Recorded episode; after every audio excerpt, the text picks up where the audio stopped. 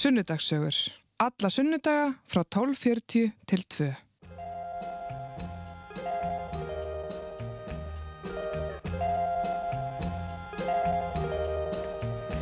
Komiði sæl, þetta eru sunnudagssögurnar sem að hefjast hér nú á Rástfu. Ég heiti Gíja Holmgistóttir og verð með ykkur í dag hérna frá Akureyri.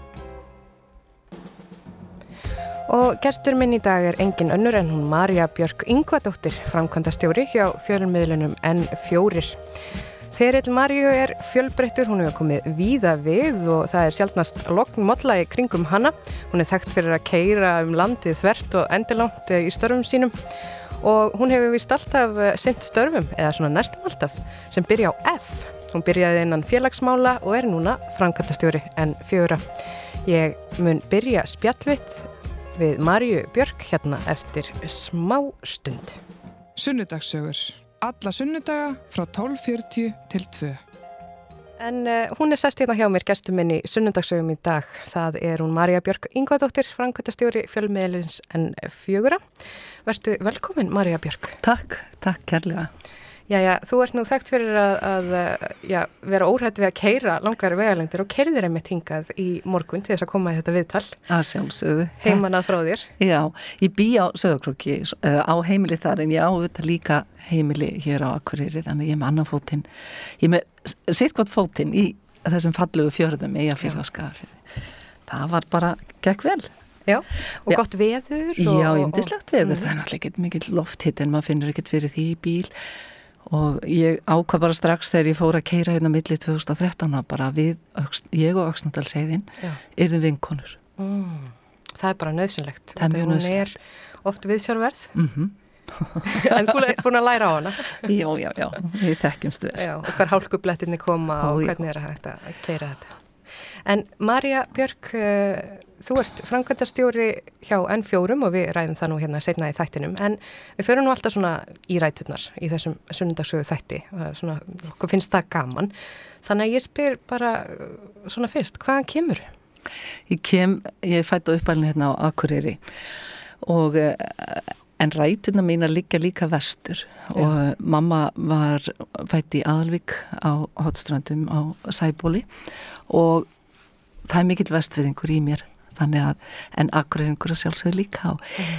reyndar er ekkit ofsalega upptekinn af því þannig lagað um, mér finnst ég vera bara svo er ég líka skakfyrðingur og ég er bara allt mögulegt og Íslandingur og, en ég er sannlega fætt hérna á akkurýr og er, er ánum með það Og hvernig var svona að alast upp uh, Já, var, var stór sískinahópur og hvernig var svona fjölskyldu lífið? Já, það má alveg með sann að segja, við erum átta sískinin, þannig ég elst upp með, eh, sko, við erum sex sístur sem komum fyrst í einni beit og þau hætti ekki fyrir að kom stránkur og svo kom annar, þannig að við erum sex sístur og tveir bræðir og, og hérna mikið líf og fjör á heimilinu mínu alla tíð og mikið bara sungið og mikið tónlist og, og og hér á Akureyri var á þessum tíma alveg ofsalega gaman að allast upp vegna þess að það var svo og allavega svo mikið bóði af Já. tómstundum og íþróttum og, og um, skátastarfi og tónlistaskóla og þannig að ég nöyð þeirra forendinda að að geta synd mjög mörg og hef alltaf þurft eins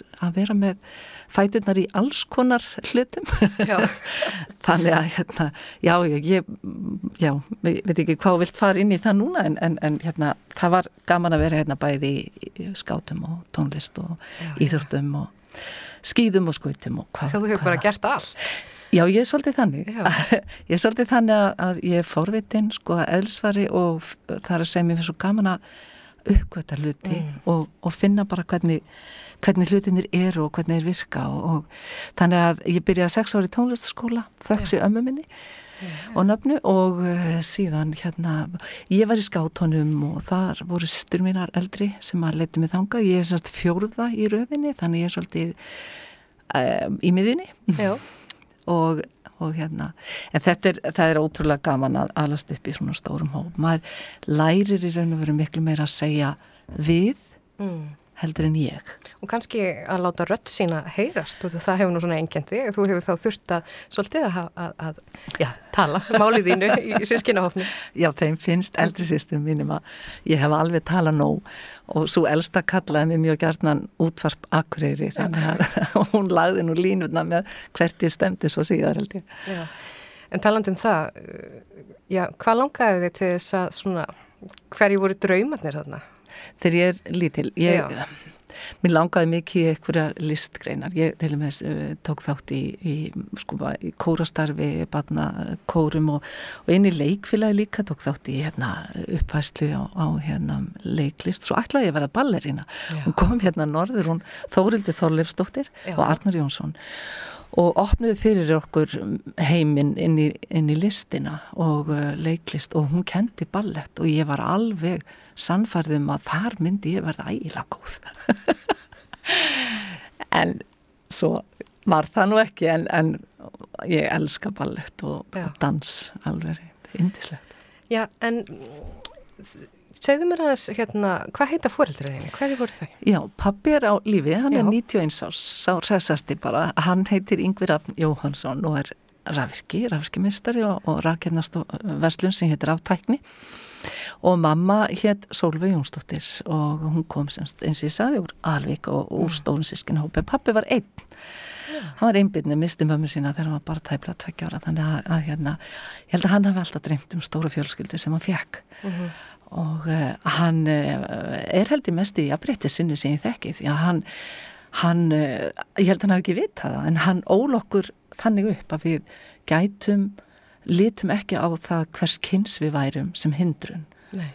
og tók okkur mjög mikið með sér um sveitinnar og þegar hann var að leggja ramagnum allt og og fyrir það er ég hann um æfinlega þakklátt. Og hann tók okkur á, hann var mikið í tónlist og er náttúrulega lífið í orðhærist í tónlist og tók okkur gerna með á kóræfingar. Þannig að þeim finnst svolítið fyndið vinnum mínum að ég kann voða mikið af kórlögum, það er bara því að ég lág á gólfinu sko og, og þetta bara í æð því það var lítil sko. Það kemur nú sér nú vel í skagafyrðinum að kunna nú vel á korlugum. Já, já, já, líka á akkurýri, það er, það er mikið sungið víða sko, já, en, en jú, skagafyrðingar, þeir kunna alveg að syngja. Þannig að það er karlakór akkurýrar þá sem að já, þú... Hann, já, og síðan set, setna þá, pabbi var formaður einmitt karlakór sem stegði þeir saminuðu karlakór akkurýrar geysi. Og svo náttúrulega er ekki hægt að, ég get ekki glemt því að afið minn var tónskald, hétt Jóhann og Haraldsson. Þannig að, að tónlistin er bara í blóðinu mínu. Já, það hljómar eins og það hefur verið mikil gleði sem að einkendi þína æsku. Já, veistu það gerði það. Það var mikið dansað og hleyið og, og mjög gaman. Já. Við höldum áfram hér eftir smástund en ég er að spjalla hérna við hana Marju Björk Yngvadóttur, framkvæmda stjóra en fjögura. Sunnudagssögur. Alla sunnudaga frá 12.40 til 2. Já, við sitjum hérna í sunndagsögum á Rástvö og erum á Akureyri og gestur minn í dag er hún Marja Björk Yngvadóttir og við rættum nú aðeins hérna um æskuna uh, á Akureyri og hún var uppfull af gleði og líka söng og tónlist og sískinahópurinn var stór Marja Björk og já, það var nú, eh, þeir voru sýsturnar svolítið svona þekktar hérna svæðinu sem svona syngjandi sýstur.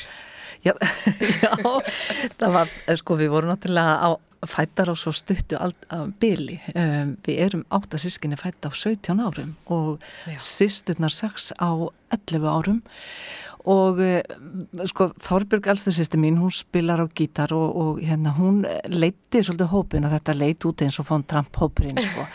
Og þannig að við vorum, einhverjum dætti hjá að kalla okkur sexingjandi sýstur og, og við vorum hérna svona að syngja inn á, við sungum inn á plötu sem heit Unga kirkjan og við hérna sungum viða um svona svæðið bara mjög gaman og það læri maður að koma fram mm.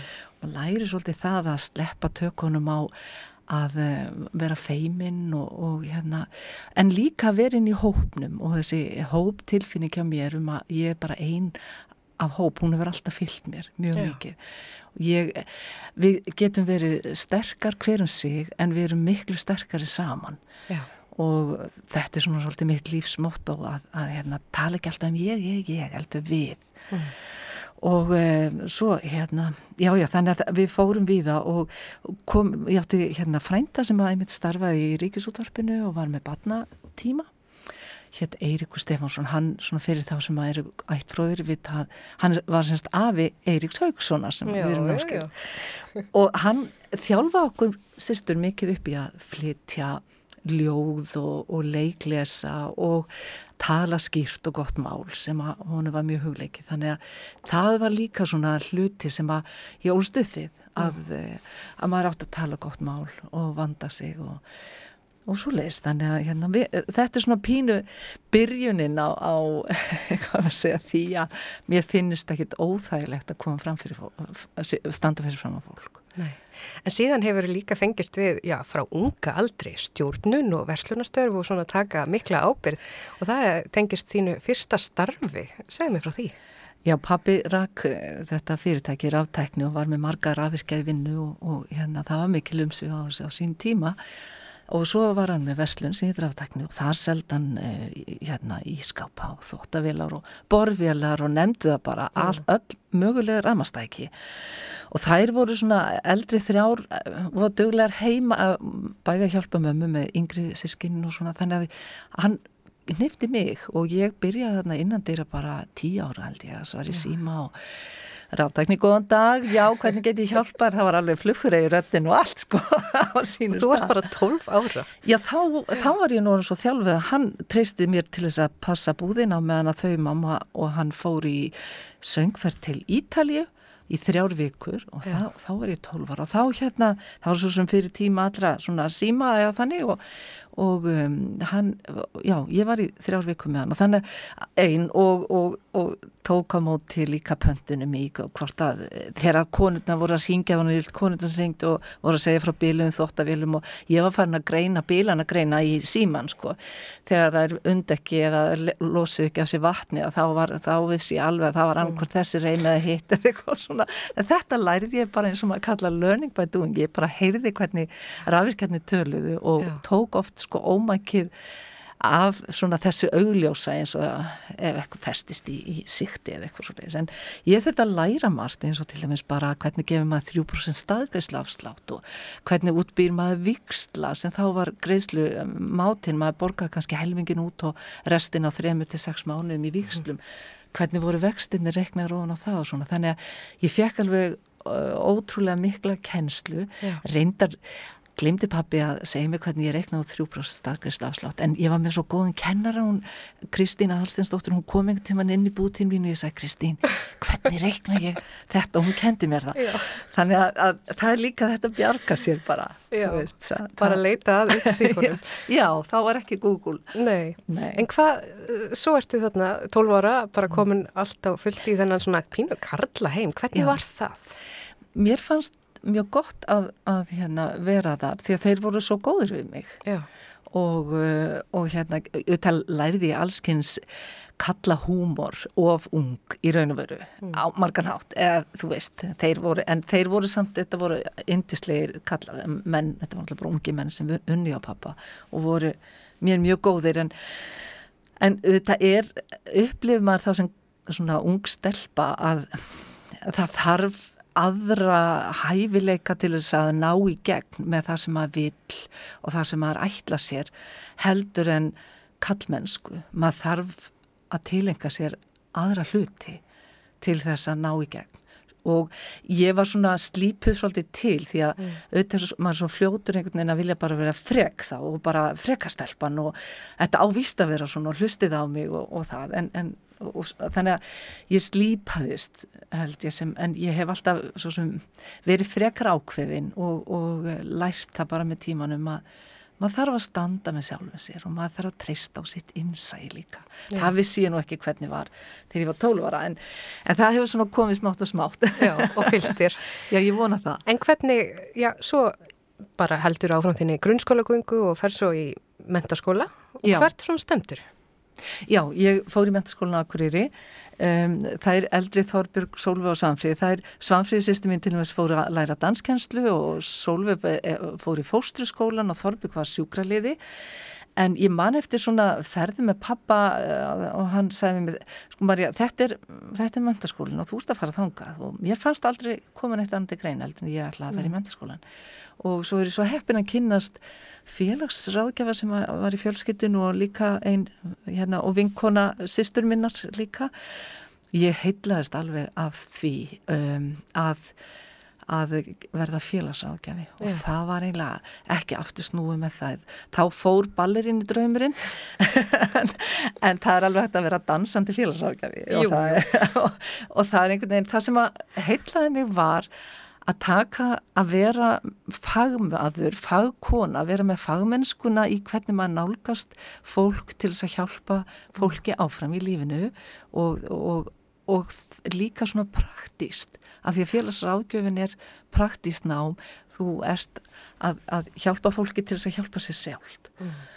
Og um, mér finnst einhvern veginn bara, já, mér finnst ég hafa valið alveg hárétt fyrir já. mig.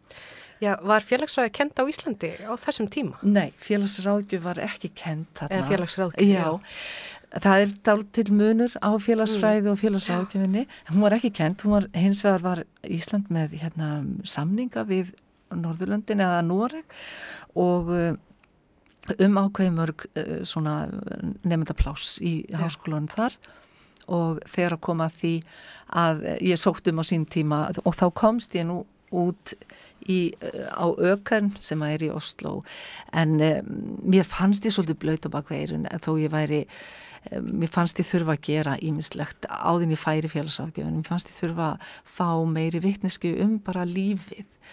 Um, og einlega svona hvað fólk getur ratað í og, og, og það alls saman. Og, og hérna þannig að ég fóð nú að vinna á leikskóla fór til Reykjavíkur. Reyndar verði einlega að segja, ég var svolítið lost eh, þegar ég var student og vissi það var svona einhver tímamót í lífið mínu þá og mamma var mjög viturkona og hún, hún sendi mig og þau pappi út til London uh, gáfi mér miða í raun bara aðra leiðina til London í, í skóla þar, ég var nú ekki alveg senda á vergang því að Katrín sýsti mín sem er næst, það er bara ára mill okkar hún var að læra snirtifræði í London ja.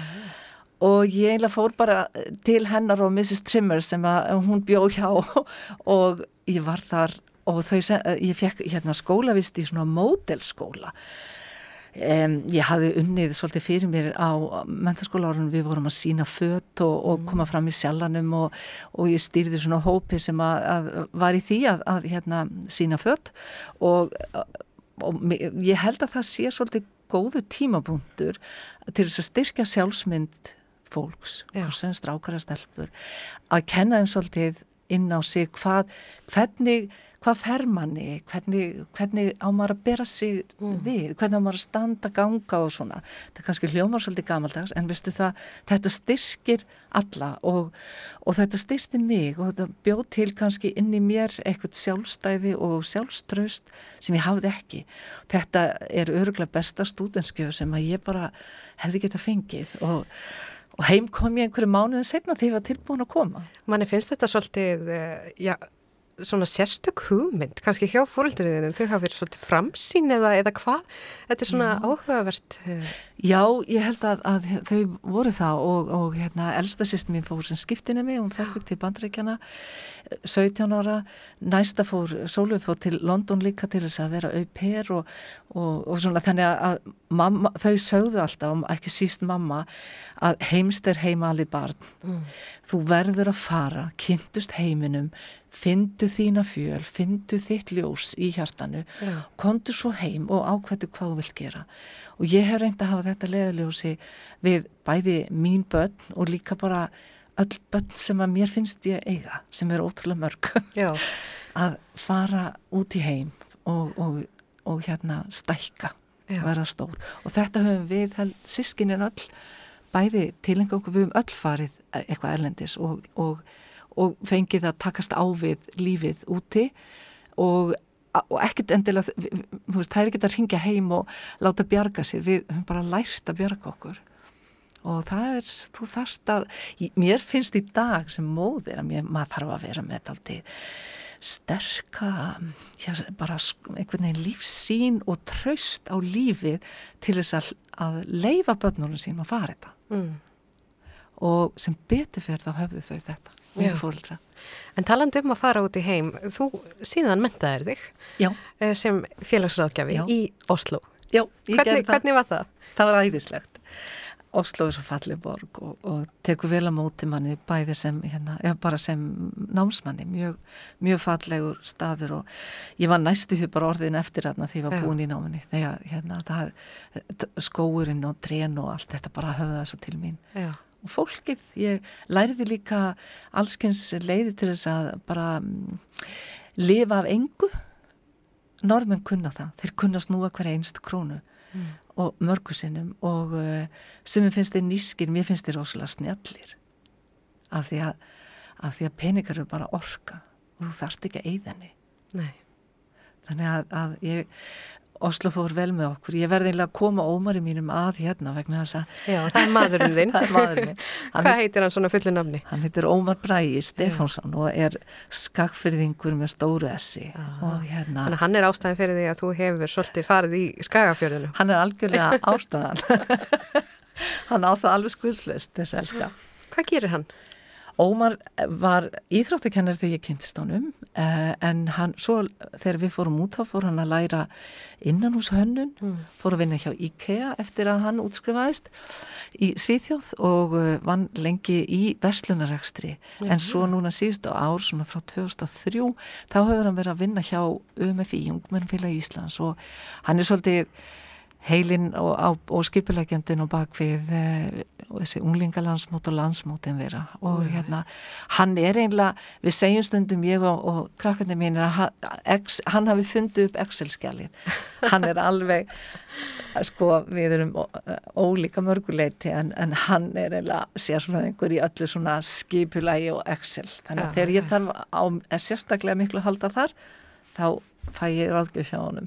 En hvað var svo til þess að þið ákvaðið að flytja heim? Þú sagðir að Noregur og Oslo hafi einhvern veginn verið, Já. virkilega svona notalegu staði fyrir mm. í allavega þig. Já, en hvað var til, til þess að hérna... Hann, hann fór að vinna eftir, eftir hérna útskriftina, þá fór ég að vinna á uh, félagsmálstofnun í, í Oslo og hann aftur fór til Svíþjóðar í höfustöðar íkæða þar í Elmhult og uh, þá var komið að því að uh, opna IKEA hérna á Íslandi og hún var búið að, að flytja með eða semst að, að byggja með þeim upp IKEA hérna og þess vegna flutt við. Mm, það er IKEA að þakka að þið komið heim. Já, einhvers veginn það. Jú, Svíþjóð hefur haft mörg áhrif, mikil áhrif á okkur. En hvernig svo, já, var að koma heim aftur? Þú byrjar að vinna innan félagsmála geras hérna á Íslandi Já, fyrir sunnan, þið fóru nú ekki strax í skagafjörðin Nei, nei, nei, við, við hérna, og vorum ekki að leiðin þangað. Mm. ég fór að vinna hjá sem félagsákjafi á svæðiskrifstofu um málminn fallara á Reykjanesi. Þetta er svo langt orð að maður eiginlega þarf að anda þegar maður segir þetta. En þetta var mjög skemmtilegt uh, þetta var mjög áhugavert starf, þetta var krefjandi, ég var að vinna með uh, til dæmis fóreldrum fallarabatna mm og, um, og svona skipulagi þetta var nú frekka nýlega að setja á lakirnar og, og svo færði ég mig yfir til uh, greiningar og ráðgjöfustöða ríkisins sem að þar var og undan var í raun og verið, ég var ráðinn inn í kjarvalshús og það þekkja margir sem að eiga uh, börn með föllun að, að hérna, þar vorum við á Seldirnesi og fluttum svo að greiningar og ráðgjöfustöð ríkisins mm. og þar var ég uh, yfir félagsákjafi í einhver tíma og og þar lærði ég að vinna í teimi það var eins og að koma heim. Þar var uh, frábær yfirleiknir sem heitir Stefán Reyðarsson og margir snillingar sem þarna voru og sem að komi með þessa þekkingu bæði frá bandaríkjónum og Svíþjóð og annar staðar og Noregi að við við getum ekki unnið alltaf sem einstaklingar. Þegar við erum að vinna með batn og fjölskyldi þá verðum við að vera teimi mm. því að þetta eru svo félagsráðgæfin sér alltaf aðra hluti eldur en sálfræðingurinn eða yfirþjálfin eða froskaþjálfin eða læknirinn, talmennafræðingurinn og það að vera saman gerir svo mikið öryggisnett í kringum fóreldrana því að það er eitthvað sem þeir þurfa á að halda þegar föllun uppkvæmtast á batni þá er það öryggi og hvað gerist næst því að þetta er svo mikið, er svo mikið áfall. Þetta er svo mikið áfall og við þurfum svo stert heimi til þess að leiða fólki áfram næstu skref. Já. og það er einhvern veginn uh, bara, það er leiðistef í mín lífi, það er vinnum í teimi, vinnum saman því að betur sjá augun auga. Og já, ég held að einhvern veginn áttasískina hópurum minn hafi einhvern veginn lagt grunninn að þessu. Já, það er eh, teimisvinna og hópurinn og Já. þetta að hugsa við. Já. Já, við sitjum hér í sunnudagsögum, eh, ég heiti Gíja Holmgistóttir og það er hún Marja Björk Ingvadóttir sem er gestur minn í dag. Við verðum hérna aftur eftir smástund.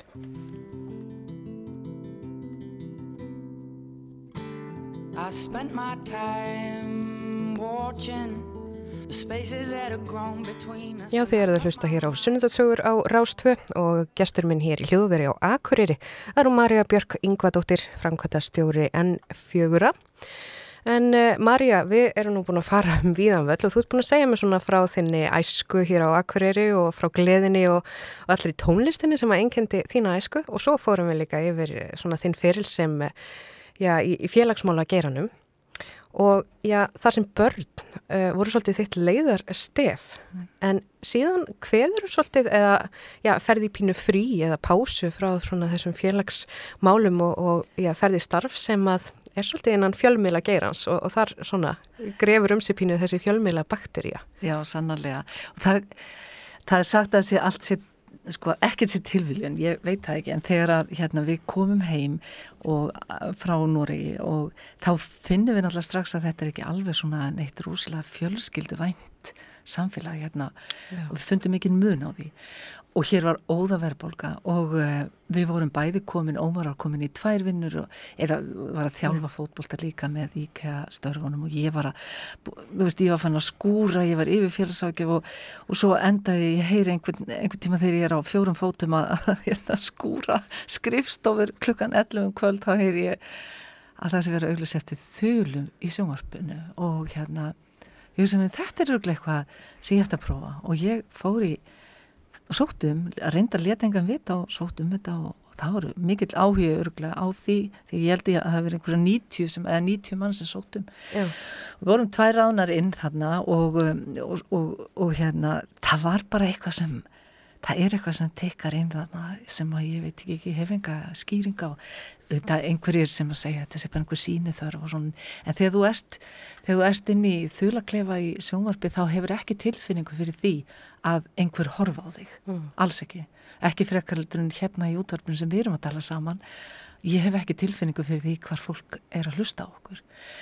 En ég áttaði mig á því smá saman að, að andlitið á mér varð svo þekktara eftir því sem ég lappaði oftar einhver starf neyri bæ og svona og ég var svolítið hissa á því, mjög hissa fyrst. En svo kemur að því að við ákveðum við Ómar að við erum þá komið tvö börn, tvo sín, ég var náttúrulega að segja kynna þá til sögunar Jú, það er nú alveg nöðsynlegt Stefán Arnar minn sem að ég átti þegar ég var bara búið með eitt árin hómi út í Noregi hann vildi koma til okkar mjög, mjög greinilega og, og hérna og svo þegar við komum heim áreittir við flytjum heim og þá kemur yngvir hannar þannig að við eigum tvo mm. indislega síni sem að hérna svo kemur setna stelpuskottinu sem kom mörgum árið setna við eigum sérst þrjú börn en, en þarna erum við á kavívinnu við erum að byrja að byggja og og um, óðaverbulgan og vittlisgangurinn hérna á mm. Íslandi var yfirgengilega. Óðaverbulgan, þá ætli, ég ætla að staðsetja okkur aðeins í tíma, þetta lítur að vera svona í kringum hvað, 80 og 67? Já, 87, 8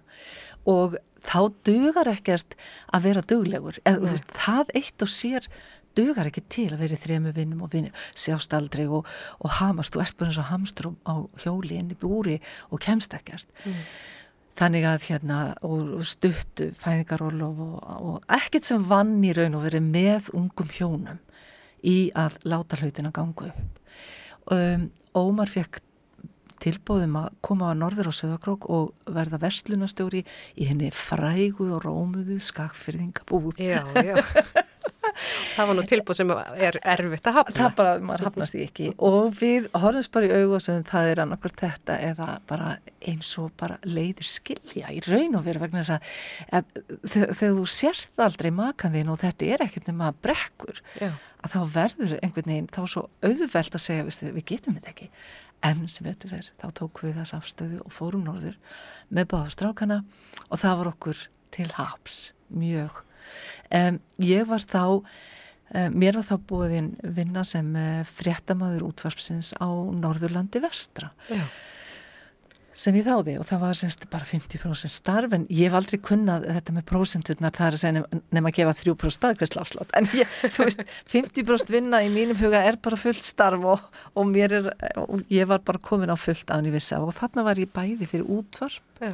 fyrst fyrir útvarpið en líka svo fyrir sjónvarp þannig að hérna og ég held áfram í þölunni keirði bara á milli. Já. hvað er 352 kílometrar Það var líka hægt að fljúa á Íslandi í þá daga að, Já, frá söðakrokki Já, mm. meira sem frá söðakrokki og flygi var þannig að það var söðakrokkur Húsavík Reykjavík já, og svo þegar ég fór tilbaka þá var það Reykjavík Húsavík söðakrokkur Þannig að hérna, uh, já, ég nýtti mér bara þær samkvöngur sem voru bóðu ámillega sem ég keirði og það var nú stundum sem kom upp á að þulur veiktust og þá var ekkert síður hringt í mig og því að mér finnst svona störfan staðsetninga bara, mér finnst það ekkert mál Ég, ég bara skil ekki að það þurfa allir að vera á einum punkti og einum blett á landinu til þess að eigum þetta séns til þess að vinna í fjölmiðlum. Það bara er ekki í bóði í mínum huga. Já.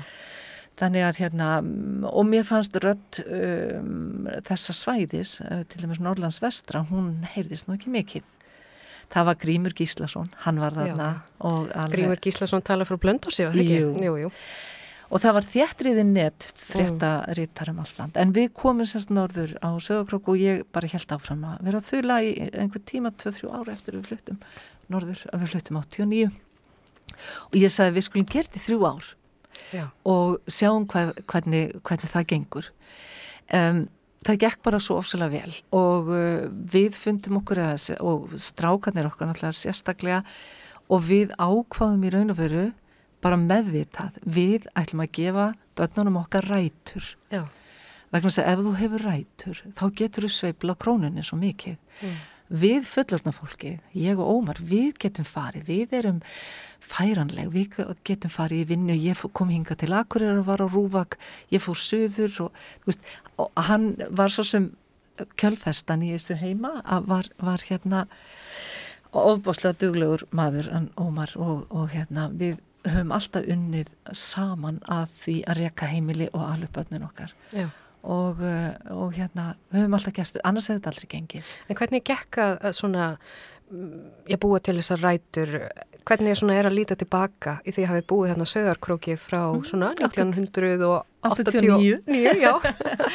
Sko, það er það er mjög gott og, og hérna þau eru miklir hérna, króksarar eða skafringar eh, krakkarnir okkar og uh, eiga sína vini mm. og, uh, og, og, það, og bara minningar og eitthvað til þess að fara að en er á sama tíma líka mjög frjáls í höfðinu það er að segja ef þú átt þessar rætur þá getur þú farið um allan heim vegna þess að þú veist hvar þitt bakland er Já. og þú veist að það er tekið utanum, þú færð auðvitað bara eins og í öllu bara í, þú færð kynhesta og þú veist og þú færð alveg svona fólk sér, hvað vittlis þú ástu nú að gera og og kannski átti ég hvað erfiðast uppdráttar vegna að ég var alltaf bara fyrirgefið hlustundu, ég var bara helvits akkuringur og það er einhvern veginn oft eins og það sé ekki, það er víða ekki talið neitt voðalega til framdráttar að maður sé akkuringu því miður.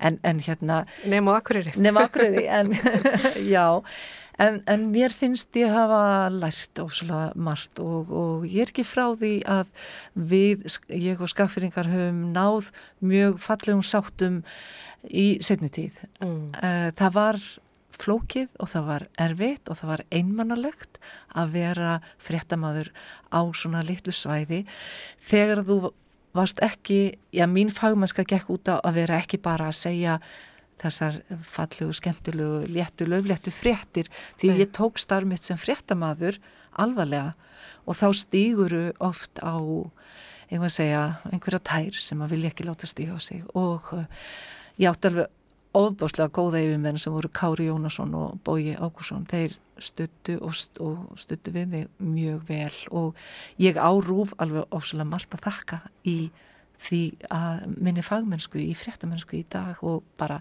dagskargerð sá fyrsti sem var kendi mér raun og verið taka viðtöl, hann hétt Jónas Jónasson. Já, og það er nú hægt að já, varla hægt að hérna, fá betri mann til þess að loða saman þar. Það var yndislega mm. Það var ekkit langt en hann kendi mér margt samt og, og hérna. Og svo aftur allt annað að það er allt annað að vera í dagskrafgerð eða, eða vera í fréttum. Mm. Og við verðum að halda vel utanum fréttafólk. Við verðum að standa þjætt við baki á fréttastofum. Það er bara svo mikilvægt fyrir líðræði og fyrir rattirna sem þurfa að heyrast. Já. það megum við aldrei klikka á. Ég ætla að hlaupa svolítið yfir sögu og fara mm. yfir á N4 Já. Þar hefuru störf. Já. Fyrir átta árum. Já. Finnst þér þetta að vera eins og í, það hefði gerst í gær að þú byrjaði að vinna þar? Nei, reyndar ekki. Mér Nei. finnst það ekki því að mér finnst svo ofsalega margt að hafa gerst. Já. Ég kem úr því að hafa verið frístundastjóri, bara mjög hratt að ég var frístundastjóri í skafir þar sem við vorum mikið að vinna með börn, unglinga og, og svona þálsaman og, og um, mér fannst ég svona vera búin svolítið með með það sem ég gætt gefið í, sem frístundstjóri að, að búa til allskynns kerfi, við gerðum, gerðum margt þar saman sem að vildum auka fagmennsku í sambandi við, við eh, frístundastörf badna. Svo býðst mér að koma hérna norður og uh, það var ástildu mín sem er sem sagt dóttur okkar sem hef fætt 2000 hún er bara í áttundabæk og þetta flekti svolítið fyrir mér að, að fara og en ég þess vegna kemur nú þetta Marja Keirir alltaf á milli, Marja Björk hún er alveg snarvitt vaknar sex á mótnan og er komin í vinnun og klukkan 8.30 og bara Keirir yfir þessa heiði og hvað hann að hugsa og hvað hann að gera batninu sín og þú veist allt mm. þetta.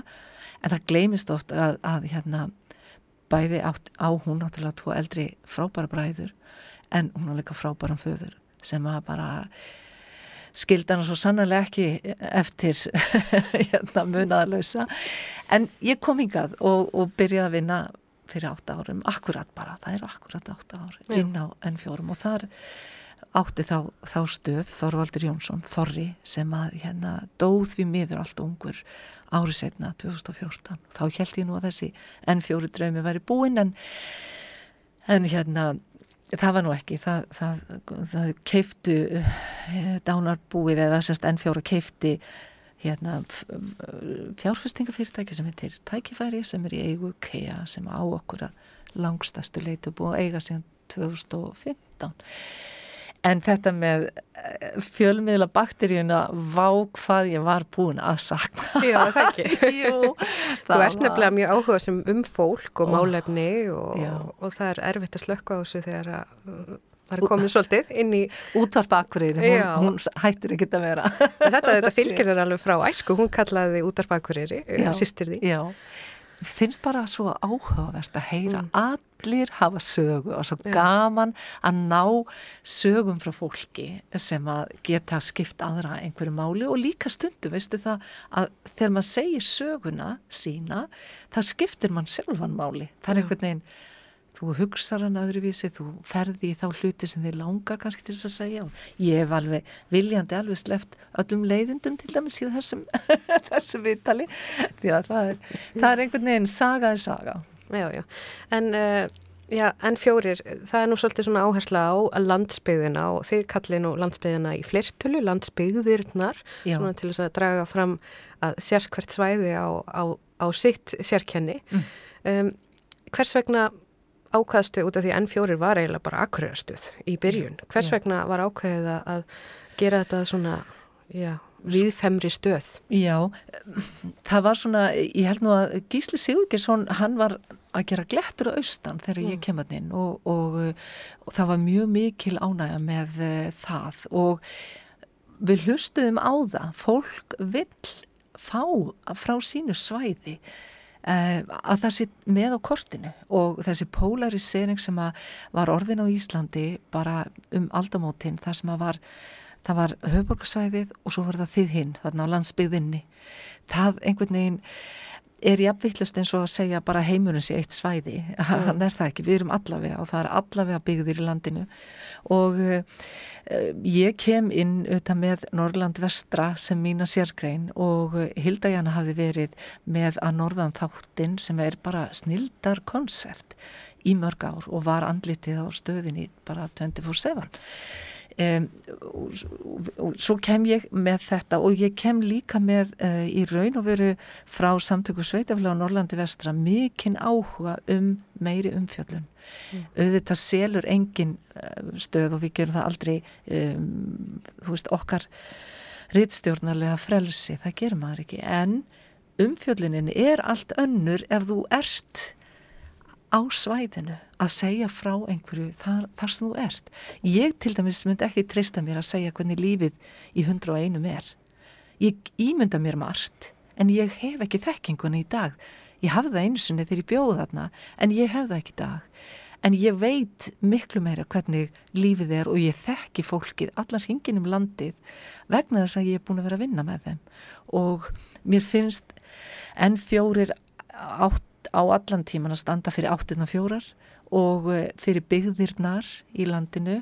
Um, stundu þarf að markera sig með einhverju svona, við, okkar, okkar slókan er en fjóri leiðanda landsbyðunum og, og við erum að draga þetta fram í fleirtölu einmitt í þessum tilgangi.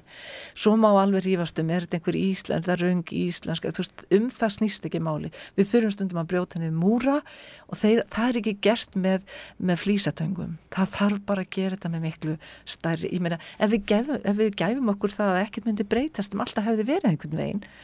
Þú veist það væri konur ekkert í útvarpi eða sjónvarpi, við værum hverki mm. og við verðum að þóra að fara með stærri verkfæri heldur en flýsatangi til þess að breyta heiminum. Og uh, byrjum bara hér og útrýmum til dæmis þessu bæði fáfræði um landi okkar. Það er allar til að fólk að það er svo landafræði kunnótt okkar hefur rakað gífurlega margir sem veit ekki mun á djúpavogi og, og þorlóksrafn eða því miður. Og það er okkar ábyrð að segja frá, fólkinu frá því og við megum ekki hræstnast með fákunnáttuna heldur auka þekkinguna og, og segja við fólk, bjóða þeim upp í, upp í dansin, upp í, í það að sjáðu hvernig fólkið á vestfjörðum hvað það er að gera, hvað austfyrringar er að fást við, hvað norrlendingar er að gera. Og vonandi aftur sunnlendingar, við höfum verið og vestlendingar líka, við erum með. Í raun og veru starfstöðvar á Vesturlandi og Östfjörðum og uh, Norðurlandi og, vonandi, og við erum að vinna á Vestfjörðum líka og vonandi náum við bara að opna starfstöðu á Suðlandi, hver veit? Hver veit?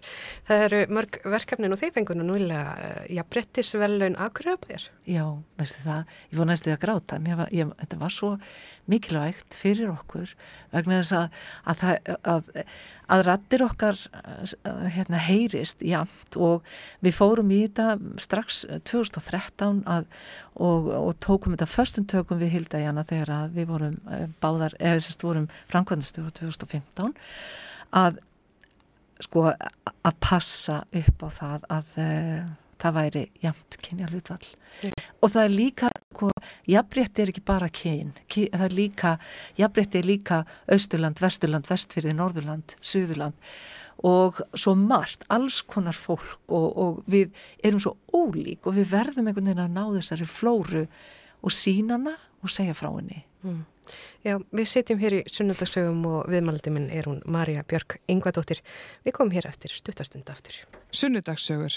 Alla sunnudaga frá 12.40 til 2. Jú, jú, við sitjum hér í sunnundagsögum, ég og hún Marja Björk Yngvadóttir og við erum búin að fara um víðan völl og, og já, ræða ferilðin Marja Björk sem er nú alls konar. Þú byrjaður í félagsmálunum, ert uh, já, mentaður uh, félagsráðgjafi og svo ertu núna orðin framkvæmtastjóri hjá N4 og við erum búin að fara eins yfir það. En við eigum stuttan tíma eftir aðeins bara svona að lokum. Já, framtíðin, hvað er svona framöndan hjá þér?